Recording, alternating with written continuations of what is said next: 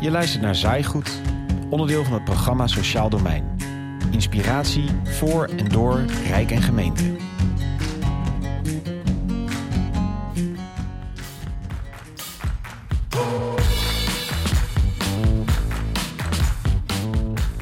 Bijstandsmoeders met een hennepkwekerij op zolder. Scholieren die bijklussen als drugsdealer. Boeren die een leegstaande schuur illegaal verhuren als ecstasy-lab. Ondermijning gaat over de invloed van georganiseerde misdaad op de samenleving. Vooral mensen in kwetsbare situaties zijn gevoelig voor de verleidingen van dit criminele geld. En daarom stelt ondermijning het sociaal domein voor extra uitdagingen. Maar ligt ook een deel van de oplossing bij gemeenten en sociale organisaties. Je hoort in deze aflevering Pieter Tops. Hij is hoogleraar ondermijning in Leiden en bij de Hieronymus Academy of Data Sciences in Den Bosch.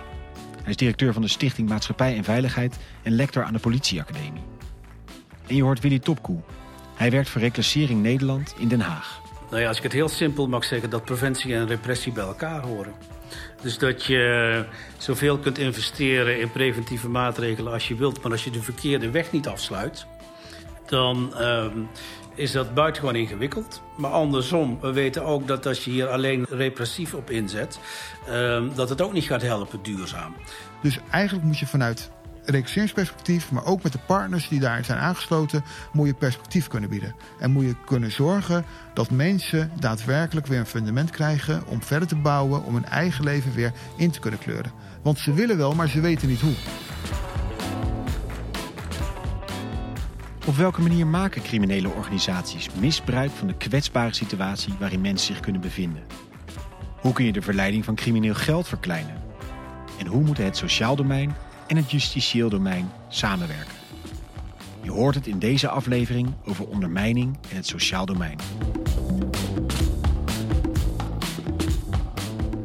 Maar allereerst, wat is ondermijning eigenlijk? En waarin verschilt het van criminaliteit? Je hoort Pieter Tops. Ik maak een onderscheid tussen georganiseerde misdaad en ondermijning. Dus georganiseerde misdaad, het gaat echt over de daad, de, de misdaad zelf en het, uh, en het organiseren daarvan. In de vorm van nou ja, criminele activiteiten, criminele samenwerkingsverbanden.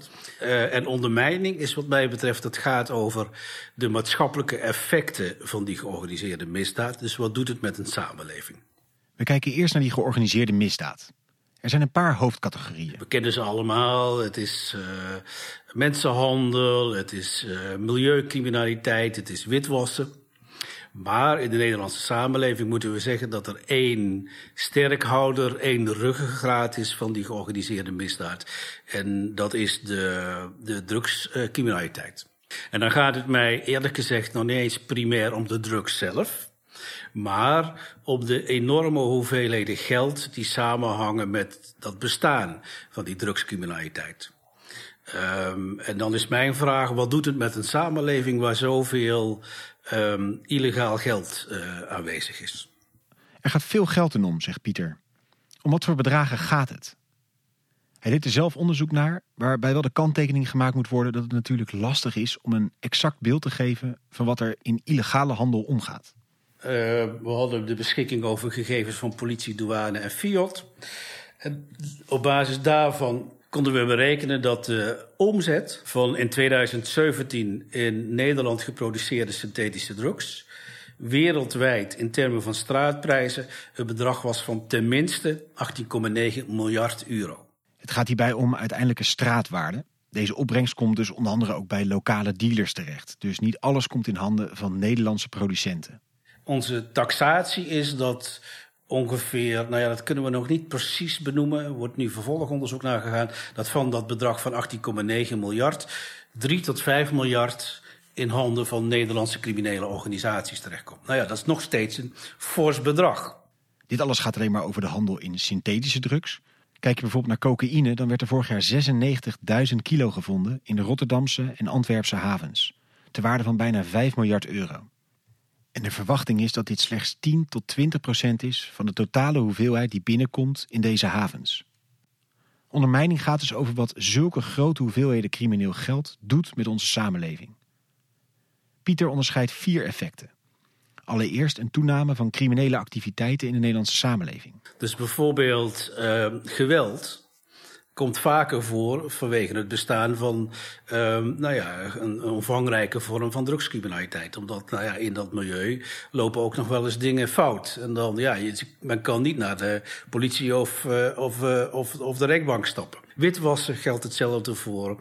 Maar ook dingen als uh, bijvoorbeeld plofkraken of uh, handel in illegale medicijnen.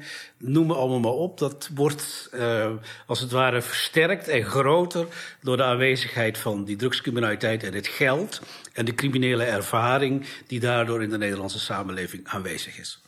Daarnaast zet de grote aanwezigheid van criminaliteit in de samenleving druk op de infrastructuur in Nederland. Zowel de fysieke infrastructuur als de digitale. Want deze moeten beschermd worden tegen die criminele invloeden. En ook de instituties als politie en rechtspraak komen onder druk te staan. Vanuit het perspectief van sociaal domein is de sociale impact het meest relevant.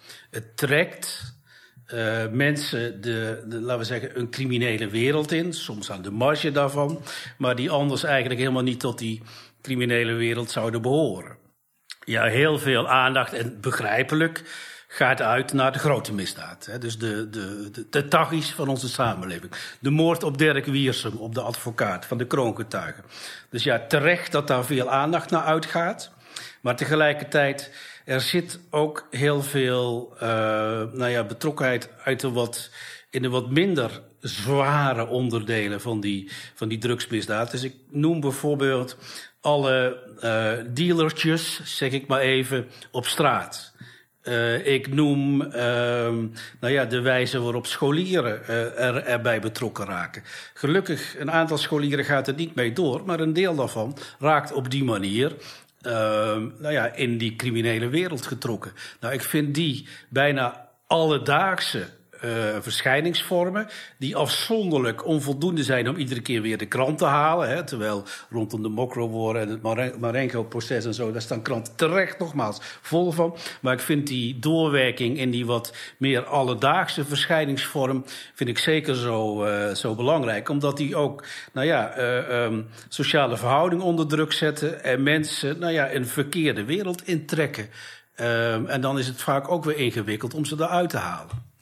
Het gaat hier dus om georganiseerde misdaad die, met snel verdiend geld, mensen verleidt tot hand- en spandiensten voor een criminele organisatie.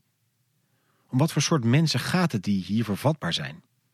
Je hoort Willy Topkoe van Reclassering Nederland in Den Haag. Wie daar vaak in aanmerking komen is inderdaad bijvoorbeeld een moeder. Hè? Alleenstaande moeders, die zijn, die zijn heel kwetsbaar, want die willen uh, hun kind niet tekort doen. Ik heb bijvoorbeeld ook mensen gehad, hè, als bijvoorbeeld de Sinterklaasperiode of de kerstperiode eraan komt, dan, zijn, dan schieten die mensen in stress, want je hebt jonge kinderen. Uh, hè, andere kinderen komen thuis en jouw kind komt thuis en zegt, ja, ik krijg geen cadeautje van Sinterklaas. Dus dan ga je naar, naar, naar mogelijkheden zoeken en dan ben je heel kwetsbaar. En dat weten die mensen ook, dat jij dan heel kwetsbaar bent. Dus die gaan daarmee aan de haal en die gaan jou beïnvloeden. Van joh, als je dat even voor mij doet, dan krijg je 1000 euro. Of hè, um, die jonge uh, die jonge knulletjes die zeg maar dan uh, gevoelig zijn voor merkkleding, et cetera. Ja, laten we eerlijk zijn. Als jij bij de Albert Heijn of, of, of, noem eens, of gaat schoonmaken... dan verdien je als bijbaantje 400, 500 euro. En deze jongens die verdienen op een dag 1000 euro. Maar ook de LVB-doelgroep wordt ook veelvuldig uh, gebruikt. Hè, jongens dus die niet overzien wat ze eigenlijk aan het doen zijn. Die worden eigenlijk in die, in die, eigenlijk in die criminele organisatie worden ze ingezet om bepaalde zaken te doen, om eigenlijk de vieze klusjes te doen, omdat ze toch niet doorhebben wat dat voor impact voor ze heeft. En ook niet wat voor impact voor de samenleving heeft. Enorm uiteenlopende soorten mensen dus. Maar waarom bespreken we dit eigenlijk in een podcast over het sociaal domein? Want je kunt toch ook zeggen, criminaliteit is fout en de politie moet het bestrijden. Kijk, aanpak van georganiseerde misdaad, dat vind ik echt een taak voor de justitiële autoriteiten, laat ik het zo noemen. Daar moet het, de rest van het bestuur zich ook niet mee bezighouden. Dus ik ben ook uh, nogal tegen de uitdrukking van dat burgemeesters crimefighters zouden zijn. Uh, net zo goed als mensen op het sociaal domein geen crimefighters zijn. Maar goed, maar een deel van het vraagstuk is op te lossen door justitieel optreden door wat dan uh, uh, gewoonlijk repressie genoemd wordt. Er zit ook altijd een sociale context omheen. een context van deprivatie, van achterstand, van verleiding. En om daar iets mee te doen en om daar actief in te zijn, ja, daarvoor hebben we de sociale organisaties in Nederland. Dus dat zijn uh, nou, de organisaties echt op het sociale domein, maar ik reken daar bijvoorbeeld ook woningbouwverenigingen toe, die er ook zijn voor een rechtvaardige en fatsoenlijke samenleving. En om mensen daarin te helpen. Dus dat betekent dat je ook op dit terrein actief moet zijn om mensen of te helpen uit die wereld te komen, of om nou ja, de weerbaarheid te vergroten, zodat ze minder snel uh, voor die verlokkingen uh, vallen. He, dus, maar de twee horen wel bij elkaar. Willy ziet zichzelf als reclasseringsmedewerker als een brug tussen de repressieve en preventieve aanpak. Of anders gezegd tussen het sociale en het justitiële. Maar allereerst, wat doet reclassering eigenlijk? Een reclasseringswerker uh, die houdt toezicht. Dat houdt in, zeg maar, uh, iemand komt voor bij de rechtbank en uh, krijgt als bijzondere voorwaarden bepaalde voorwaarden opgelegd.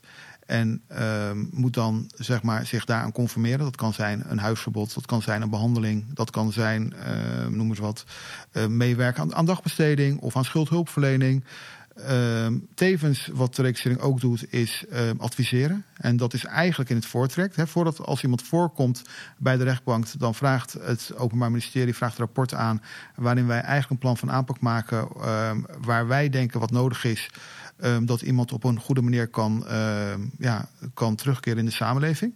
Wat wij verder ook nog doen, is de werkstraf.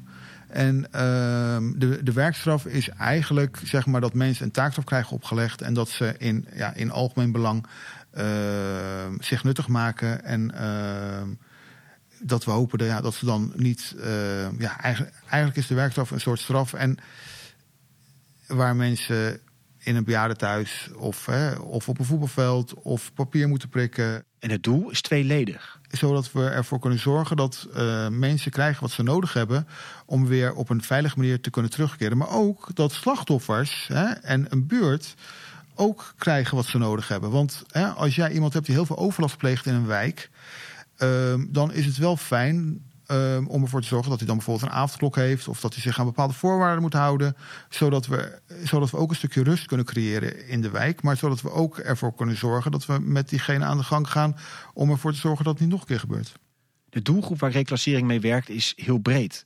Want het gaat over allerlei soorten veroordelingen. Het is van degene uh, die zeg maar uh, pikt tot en met de verkrachter, tot en met de, hè, uh, de zedenklanten, tot en met uh, motorbende mensen, tot en met uh, eh, GGZ-cliënten. Als we dan kijken naar de categorie criminaliteit, waarin ondermijning het meest naar voren komt, de drugscriminaliteit, dan zie je daar dat de inzet is op het scheiden van doorgewinterde criminelen en de mensen die meer aan de rand zitten en die door deze harde kern worden gebruikt en zo in de criminaliteit worden gezogen.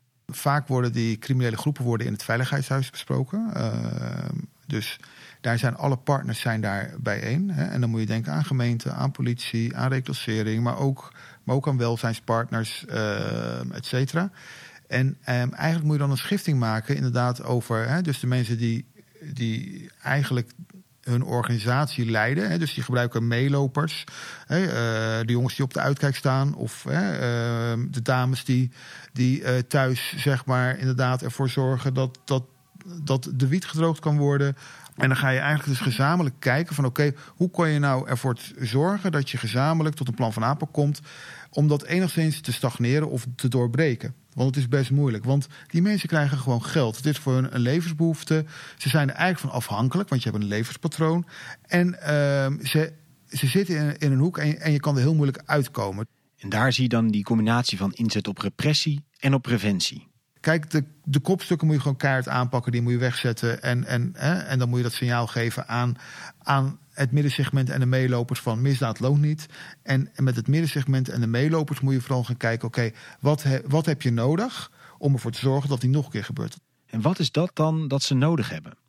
Wat brengt mensen ertoe om mee te doen aan criminele activiteiten? Er zijn heel veel mensen die kwetsbaar zijn, uh, die beïnvloedbaar zijn en die eigenlijk geen uitweg zien en dan vaak daar bij die criminele groepen uitkomen. Dus eigenlijk moet je vanuit recruteringsperspectief, maar ook met de partners die daarin zijn aangesloten, moet je perspectief kunnen bieden. En moet je kunnen zorgen dat mensen daadwerkelijk weer een fundament krijgen om verder te bouwen, om hun eigen leven weer in te kunnen kleuren. Want ze willen wel, maar ze weten niet hoe. Wat wij doen is zeg maar kleine doelen stellen. Is kijken, oké, wat heb je nou nodig om terug te keren? en dan, dan begin ik vaak met bed, bad, brood. Ehm, wat zijn je inkomsten? Wat zijn je uitgaven? Ehm, wat is het sociaal systeem om je heen? Met welke mensen ga je om? Ehm, wie kost jou heel veel energie? Wie, wie, wie geeft jou heel veel energie? hoe kunnen we ervoor zorgen dat je weer op een adequate manier meedoet in de samenleving? Ehm, dat kan zijn door drie dagdelen in de week vrijwilligerswerk. Dat kan zijn ehm, door de schuldhulpverlening op te starten. Maar dat kan ook zijn dat je iemand weer toeleidt naar arbeid. Het lijkt zo moeilijk om weerstand te bieden aan de verleiding van dat snelle criminele geld. Hoe pak je dat dan aan? Nou, perspectief bieden, zeg maar, eh, is ook met die mensen aan de slag te gaan door te laten zien van oké, jij maakt dan die klap van 8000 euro, maar Waar is die structuur? Wat bouw je op? Als je ziet hoeveel, eh, hoeveel, hoeveel jou dat kost. Hè? Want eh, nadenken, eh, achterdocht. Hè? Want heel veel van die jongens zijn achterdochtig. Ze vertrouwen niemand meer. Dan zeg ik ook, is dit het waard? Of wil jij over een paar jaar wil je gewoon een gezinnetje hebben? En wil je gewoon gezamenlijk eh, aan, een, aan, een, aan een toekomst werken? Zie jij nu een toekomst? Want je vertrouwt je eigen vrienden nog ineens. Dus daar kan ik je bij helpen om ervoor te zorgen dat we weer. Hè, want ik kan niet een baan voor je vinden waar je 8.000, 9.000 euro verdient. Maar ik kan je wel structuur en regelmaat. En, en, en ervoor zorgen dat je weer mensen kan gaan vertrouwen. En dat je weer terugkeert een samenleving in. En dat je ook voldoet. Hè, want eh, soms manipuleer ik wel eens van. voldoet aan de verwachtingen van je ouders. Is dit nou wat je ouders voor ogen hadden? Een zoon die elke drie maanden binnen zit. Of uh, is dit het? En dan zeggen ze vaak, ja, het overkomt mij. Dan zeg ik, joh, maar leg het mij uit, want mij, overkomt, hè, want mij overkomt het ook niet. Dus waarom overkomt het jou het dan wel? Bestaat er niet een beetje een spanning tussen dat enerzijds perspectief willen bieden, snappen dat het verleidelijk is, en anderzijds streng willen zijn? Pieter Top spreekt in dit kader van streng liefhebben. Dus dat is mensen echt helpen, bewijzen van spreken mee boodschappen gaan doen, uh, om mensen daarin te coachen. En daarin ook, kun, oh, daarin ook te kunnen zeggen, nou, dit zou ik niet doen. Of dit moet je niet doen, want dat is niet verstandig om dit te doen. Um, en kijk, en als het gaat over echt uh, criminele activiteiten. Ik hoor dat iets te vaak vanuit mensen in het sociaal werk. Dat ze, ja, ik, ik bouw een vertrouwensband op met mijn cliënten. En dan kan ik sommige dingen niet zeggen. Ja, weet je, als dingen crimineel zijn dan uh, gaat dat echt de grens over. En heb je ook de verantwoordelijkheid, ook vanuit welbegrepen eigenbelang, ook vanuit de kern van je sociale werk, om daar iets mee te doen. En als het gaat over een, uh, een hennepkwekerij, ja.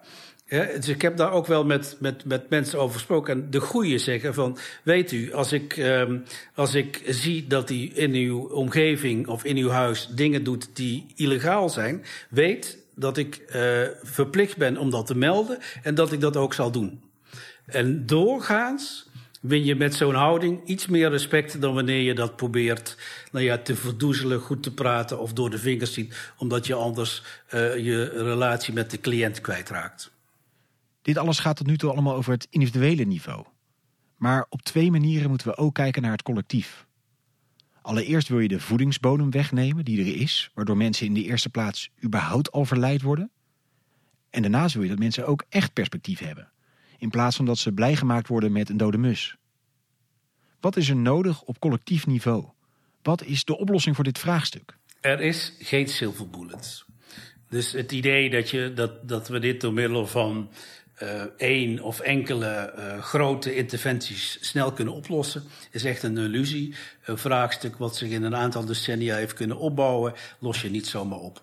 Dus ja, er, moet, er is altijd een, er zijn altijd twee dingen nodig. Namelijk één, een lange adem. En twee, um, sommigen vinden het een vreselijk woord, maar Allah, een meervoudige aanpak over meer sporen. Um, en nou ja, daar zijn, vind ik, ook wel interessante voorbeelden van in Nederland. Dus ik vind zelf, heb daar toevallig afgelopen uh, maanden ook nog eens op verzoek van uh, het ministerie van Binnenlandse Zaken naar gekeken. Wat in Rotterdam gebeurt in de context van het Nationaal Programma Rotterdam Zuid. Vind ik heel interessant. Niet dat daar alles perfect aan is, helemaal niet. Maar Ik vind dat ze daar, uh, wat ze daar hebben neergezet in termen van lange termijn aanpak en die nog volhouden ook in termen van brede maatschappelijke coalitie, in termen van bijhouden wat je doelstellingen zijn en in hoeverre die het bereiken daarvan dichterbij gekomen zijn.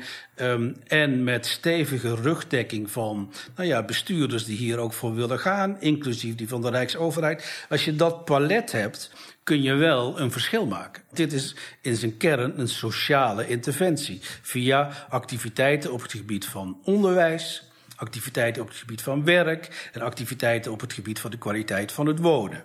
He? Ja, dus dat, dat een aantal werkgevers in Rotterdam inmiddels garant staat voor 800 uh, eh, banen per jaar. Voor mensen die een bepaalde opleiding hebben gevolgd. Nou ja, dat is substantieel.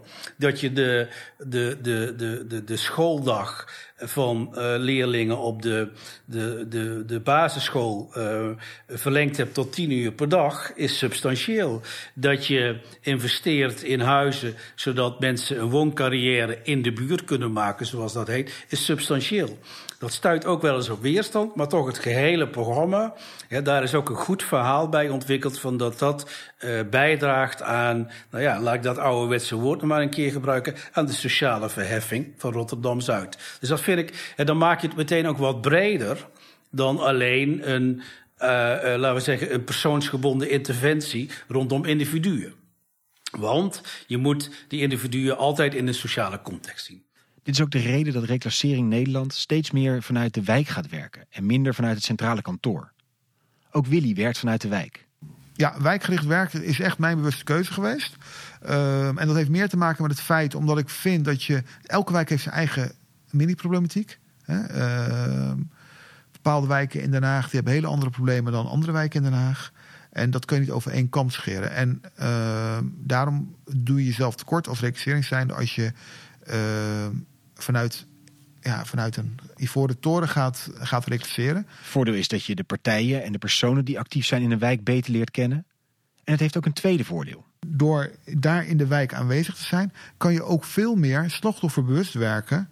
En ziet ook de wijk, hè, dus de, de, buurt die last heeft van al die criminele activiteiten, die zien ook daadwerkelijk dat er organisaties in de wijk bezig zijn om het wijkklimaat te verbeteren. En dat kan alleen maar doordat je als je samenwerkt met de partners in de wijk. En hoe ziet die samenwerking tussen het justitiële domein en het sociale domein er dan idealiter uit? Dit vraagt om een integrale aanpak, lijkt me toch? Ik denk zelf dat er al heel wat gewonnen zou zijn als de verschillende instituties doen waar ze goed in zijn. Dus laten we ons daar maar op, uh, op, uh, op uh, richten. En dan, nou ja, zo af en toe overleg hebben over de vraag waar je tegen oploopt. Of, of elkaar kunt, kunt versterken erin. Maar het is, vind ik toch wel anders dan. Kijk, integraal, ik snap heel erg goed wat de bedoeling daarvan is. En het idee daarachter is ook niet onsympathiek.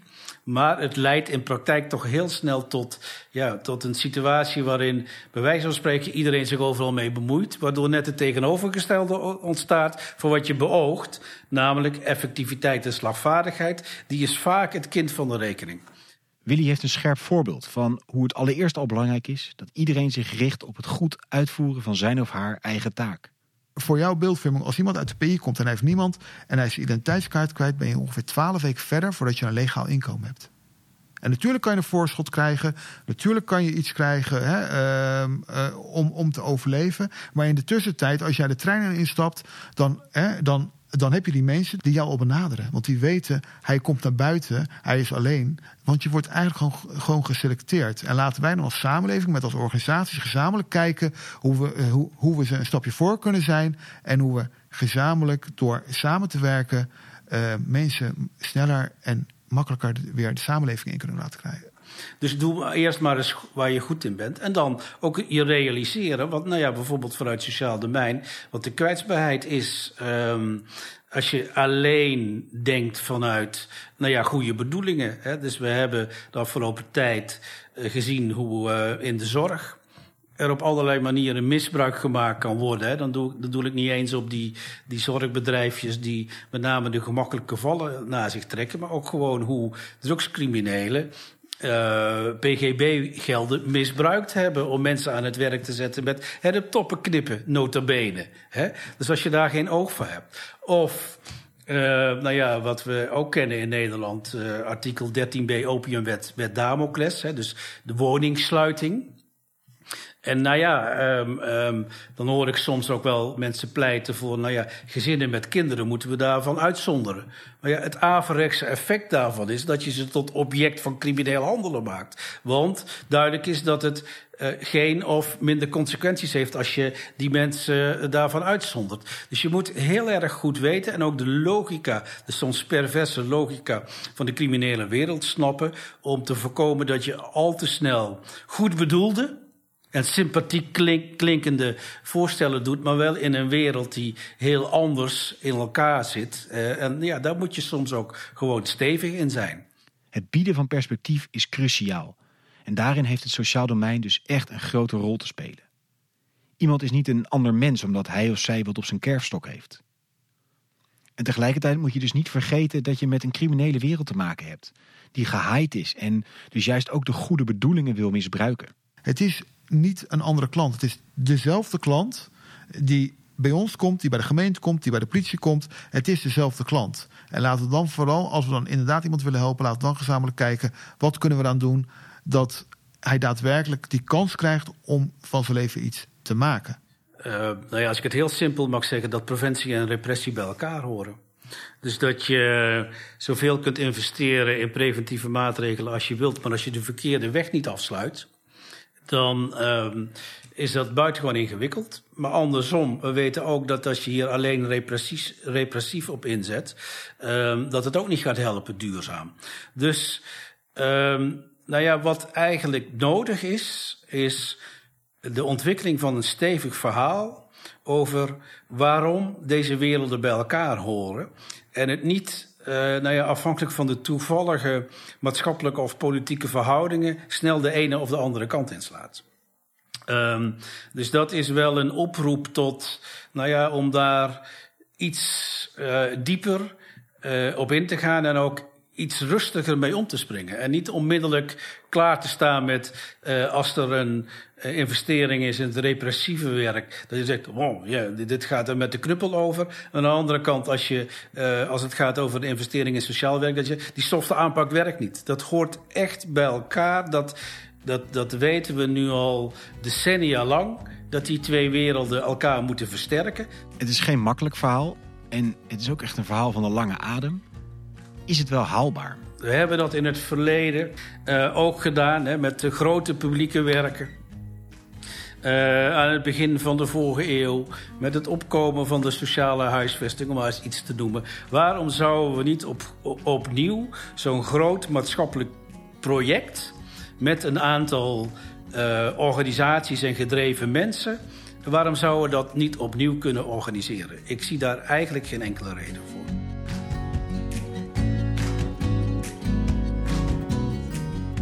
Mensen in een kwetsbare situatie zijn extra vatbaar voor de gevaren van ondermijning.